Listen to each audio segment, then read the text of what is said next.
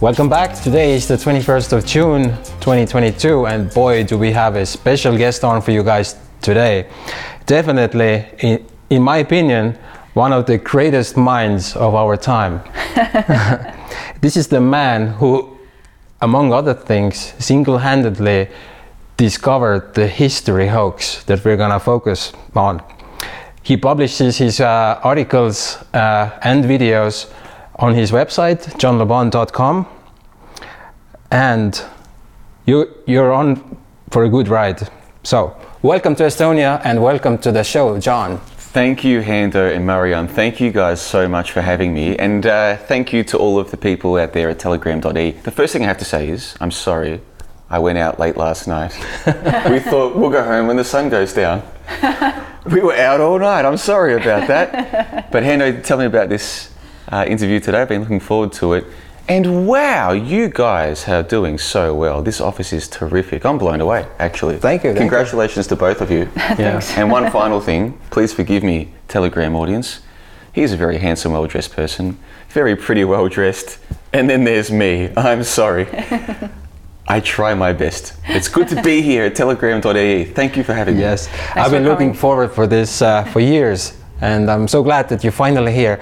But uh, for the folks at home who are not aware of your work, can you give us the the elevator pitch version of who is John LeBon and what is the JLB operation? Yeah, I'll condense it down for you. Basically, eight years ago, I found out that some of these events on the television about shootings and bombings, I used to believe all of that.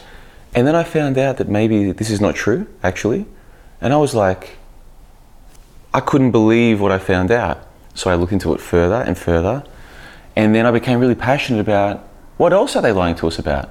And then, as you know, back in 2015, I was doing the Ball Earth Skeptic Roundtable where I interviewed these crazy flat earth people. And Marianne, some of these flat earth people are crazy, but some of them are not crazy. They're onto something. That blew me away. That's when Hando found out about what I was doing. That was seven years ago. Can you believe we're sitting here after seven years, Hando? Time flies fast when we're having fun. And when we're doing mm-hmm. well, yeah? Yeah. And so I found out that the Earth might not be what they're telling us. So I looked into that. And then I started a website, and then my YouTube channel was only very small, but it was growing a little bit, like every month growing a little bit. And then I started the website, and that was doing well. And then I decided to travel because the website was making some money, but not very much money. And you've been to Australia, you know it's very expensive. Yeah, yeah. Mm-hmm. So I thought, yeah, see, they both they're both agreeing. Yeah, very expensive. so then I thought I'll go overseas. I'll go to Thailand to these places to like live a, a low cost of living life. And then when I was in Malaysia, early 2020, you know what happens? A massive lockdown. I got stuck in Malaysia. And that's when I lost my mind. And here I am at telegram.ee. So I have, a, I have a website where I talk about all kinds of things, including the history hoax, which you mentioned. Mm-hmm. And I believe a lot of what they tell us in school and on TV, I believe it's not true. And, and that's what I do my, my articles about. That's what I write my articles about. And I make videos and I make podcasts and I interview some of the greatest minds in the world, mm. including for Bombersations number 21, Hando from Estonia. He's one of the regulars of our website. He's one of our favourite people. But what we didn't know was just how well Telegram is doing. And I'm still amazed. I'm wearing a lapel mic. I've got a lapel microphone here. This is a professional setup. Yeah, we have a professional guy there. It's incredible. So well done to you guys. And thank you again for having me. This is just Sure, our pleasure.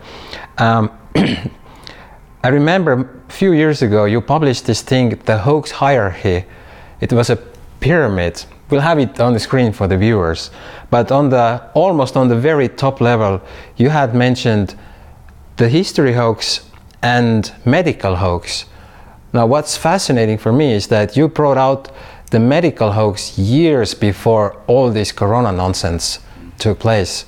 So, maybe before we jump into the history hoax, maybe give us how you re- realized there was something very, very wrong with the medical hoax. So in 2016, I was working in a call center and I was working for a health insurance company. Mm-hmm. That was my full time job.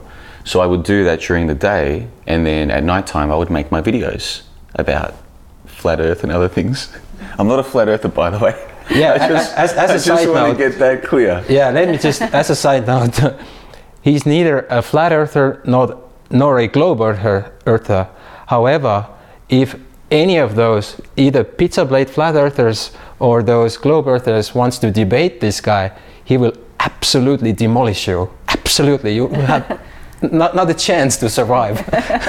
You're very kind. Thank you. so I was working. That was my job, and so you know, health insurance. I know Estonia probably you have healthcare for everybody like mm-hmm. this. Yeah. I think we do.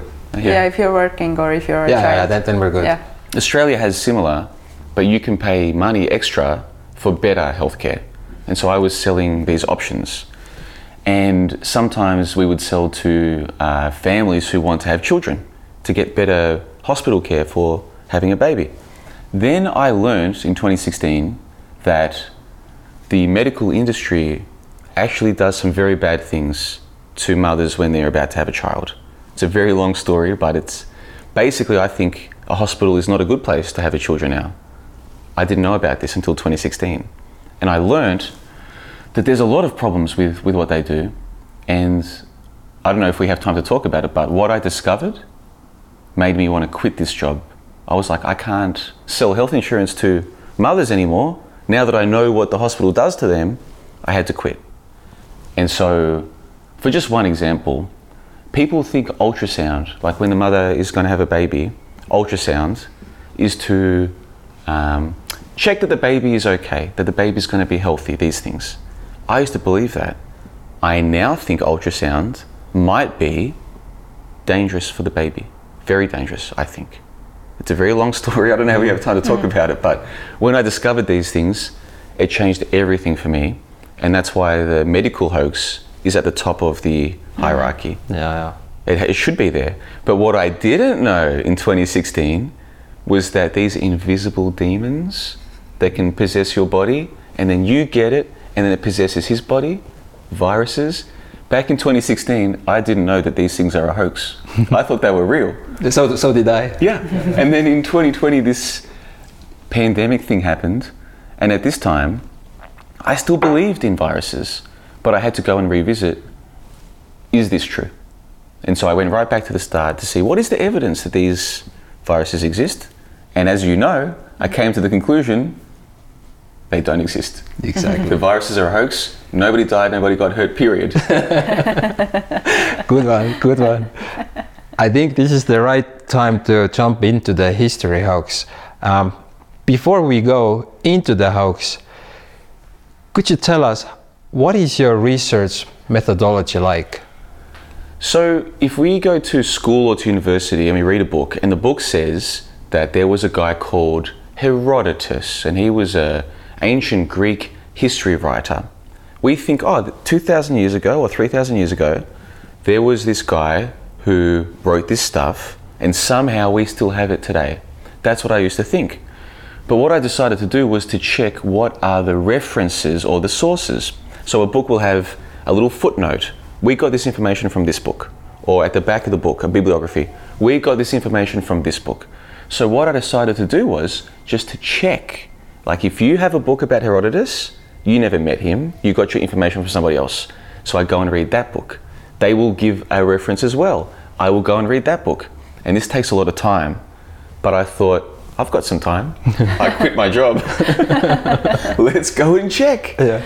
And so if you check the references, you think it'll go back thousands of years. It doesn't. It goes back maybe to the 1800s. And then when you find that book, they don't give any references. So, in other words, just for like a rough example, you read a textbook today, it says Herodotus, this great uh, Greek person, said this. You check this, that book is from 1970. You check that book, that book's references are from, say, 1890. You check that book, their references are to 1850. You check that book, no references. It just begins in the 1840s or the 1850s, something like this, for all of these characters of history. Any great uh, ancient Greek philosopher or any of these people, if you check the references in the books, they only go almost every time to the 1800s. Are there a few exceptions that go further? Not that I've seen, but I've only done this with maybe five or six or seven characters because it takes this takes days to do this to get the book, read it, get the references. It literally takes me days and days for each character. So I can't tell you that every single character goes to the 1800s, but all the ones I've checked, 200 years, I believe, is when it begins. And I know this sounds very crazy, and probably the nice people at Telegram are wondering okay, so what's the point here? What I'm thinking now is that maybe all of these characters were created in the 1800s, and we think, oh, they're thousands of years old. That's what we think. But no one checks. Maybe 200 years ago, some writers just started making this up, and this passed into history as real, and now we all think it's real. But 200 years ago, they were just like to make an example. Suppose uh, in 200 years, everybody believes the characters of um, Hunger Games is real, and we know Hunger Games is just a, a TV show; it's fake. What if in 200 years everyone thinks, no, those characters are real? If no one's double checking, they might all believe that. That's what I think has happened with ancient Greece, ancient Rome, ancient China. There never was this place. It's just a story that somehow became history and now we think it's real. But it's just a story. And I know how crazy I sound. I know this sounds crazy, but I'm telling you, you can check this. If you take the, just get any textbook, just check the references, just check their reference, just go through. It's just a simple methodology. It just takes a lot of time. But if you do this, you won't get to 2,000 years ago. You won't even get to 500 years ago. You will get to the mid 1800s, Yep. Mm-hmm. I think. It's also if you look at the universities in the States and also I checked some of the Europeans that uh, they started to teach history about the same time, like in the middle of 1800s. Yeah, I'm gonna pick your brain a little bit more, but before that, we're gonna do a little break. So, everybody who is watching this show, keep in mind that you can win a full box of those bottles. This is magnesium water produced in Estonia. If you want to win this box of bottles of magnesium, just share this show on your social media websites. Uh, you might have Twitter or Facebook. Just share the show, and uh, you might be one of the lucky winners.